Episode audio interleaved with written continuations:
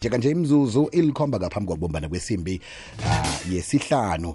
Sizokutshinga lapha-ke endabeni kodwa ngaphambi ukuthi ke siye endabeni akhe sakhe umphakathi. Community bus sikhuluma nomnumzana u-edward mukwana lmg general manager uh, usebenza lapha-ke ku-public relations marketing and customer experience.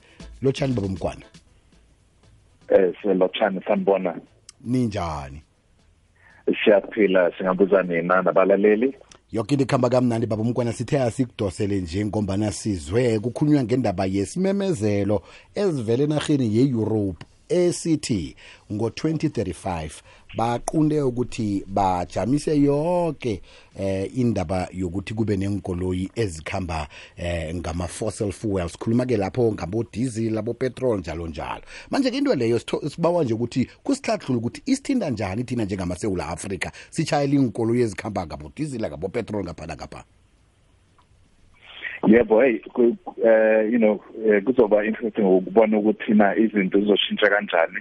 Eh ngoba njengoba sonke siya siyesazwa indaba ye ye climate change and so forth so le ndaba lena ihambelana naleyo ndaba ukuthi eh si sesikhathini se climate change eh so kusho ukuthi ke le moto nayo kuzofanele ukuthi zishintshe.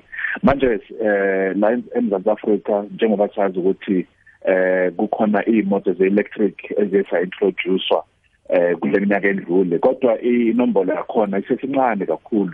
Eh kusho ukuthi masifike sihlale nje ne12 years so iminyaka emashumi na nasibili nabili ukuthi eh sifike kule target 2035 yokumisa eh imoto ze ze combustion engine njengoba ushilo so kusethe umsebenzi omningi okufanele ukuthi wenziwe eh and futhi kufanele sibheke igovernment ukuthi na engenza njani ukuthi abantu bakwazi ukuthi oyithi before sifika ku ebantwini ukuthi sifike kuma company wemoto ukuthi balethe imoto eh eminye futhi eziningi ye electric electric ukuthi eh sikwazi ukuthi si accelerate eh ukuthengwa kwala kwale imoto. So kusuthi into eziningi nje kufanele ukuthi igovernment yenze kodwa kuyajabulisa futhi ukuthi njengoba u Minister we Finance ubebeka khuluma ukuthi eh kuzo incentivize labo abantu abayenza ama ama solar rooftops and so forth. Kusho ukuthi ke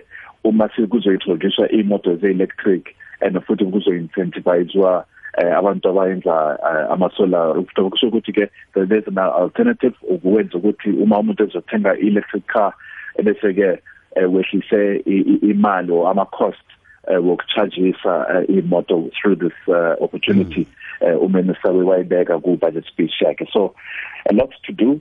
So kuzofanele ukuthi uh, i think uh, every year kubhekwe ukuthi na i i progress eyenziwa ihamba kanjani na? So i'm mm. sure kungaba kungaba kuhle ukuthi u-interview eh you know uh, abantu abasebuya ku Department of Trade and Industry ngoba le policy ihlala ihlala ngakwabo. Basitshele ukuba bazobazo bazenza kanjani ukuthi sibe ready for for lo shintsho la. Nina ke njenge Legacy Motor Group eh doswa phambili babantu abanzima 100% eh enkoloyini enizenzako lokho kuzakuthi ukuthi eh niza nani nizakuchukuluka ndachukuluka nenze inkoloyi zegezi kwaphela. Bese ke lezi zakade sizisaphi? Lezi zakade zisaphi? Well angithi eh eh kukhona ngesinye isikhathi la kurecycliwa imoto ezingase ezangasebenzi um eh kodwa ke isikhathi iminyaka eminingi ukuthi ifike lapha that's why ngesinye isikhathi uthola ukuthi uma sewuhamba emakhaya uthola imoto izimele nje eh ayisakwazi ukuhamba. So either le recycling angithi uzothola ukuthi mhlambe ama parts ke ayaqala kayisho ku scrap yard then eh lawo mkhatha awaziwa ukuthi asetshenziswe somewhere else bayisetshenziswa ke eh so so sizobona ukuthi mhlambe later on eh kuzo kuzo kuzo kuzoba kanjani. Kodwa ke thina masi LMG Legacy Motor Group eh sicalile ukwathengisa lawa ama motor electric vehicles eh njengoba njengoba wazi ukuthi si representa iBMW ngama dealership awu5 eh sine dealership lapha eZambezi or eMontana ikhona nje bisho Montana. Eh and then kune enye district laseMenlyn eh and futhi eJoburg City naphakathi edolobheni laseJoburg City eh na futhi ePolokwane nase Rustenburg. Um so simela iBMW ne Mini eh so kule brand emini kukhona ke nayo iMini electric eh uh, Mini Cooper electric. Um so so ya amanombolo asesemancane kodwa eh sibona ukuthi uma ngabe angithi manje uma uma uletha la ama electric vehicles bakukhona i-import tariff ekwi 25% compared to la amanye we traditional uh, combustion engine ama tariffs is 18% so manje uyabona ukuthi i tariff ima electric vehicle ingaphezulu kakhulu. So manje ke manje ke iyenza ukuthi ke abantu iprice yakhona electric vehicle ibe ibe phezulu kakhulu. Manje ke uma uma igovernment ingakwazi ukuthi iyehlise le tariff then abantu ke bazokwazi ukuthi bathengene. Futhi izwenza ukuthi ama, ama manufacturers balethe imoto especially kuma ku volume segment eh imoto ama brand afana nawo VW Toyota mawungabhekisa kahle kahle akuna ipolo ekwi electric akuna iTezo noma yini iCorolla or yini yes is affordable. eh eh.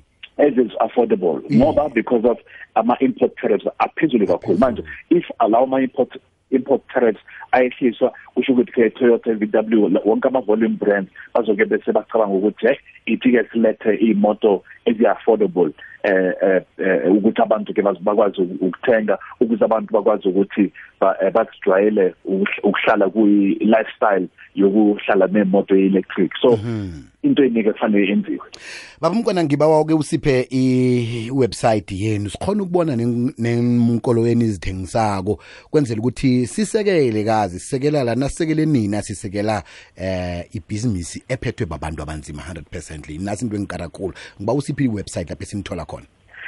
I-website yethu is www lmg.co.za so i-lmg imele legacy motor group uh, kodwa i-website njengoba ngishilo www.lmg.co.za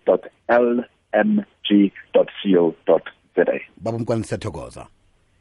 Eh sithokoze isikhathi ezinisingeze zona. Siyabonga kakhulu. Sithokoze khulu kwamambala besikhulumisana nobaba edward wakwamkwana sebenza lapha-ke kwa-lmg ugeneral manager eh, ye-public relations marketing and customer experience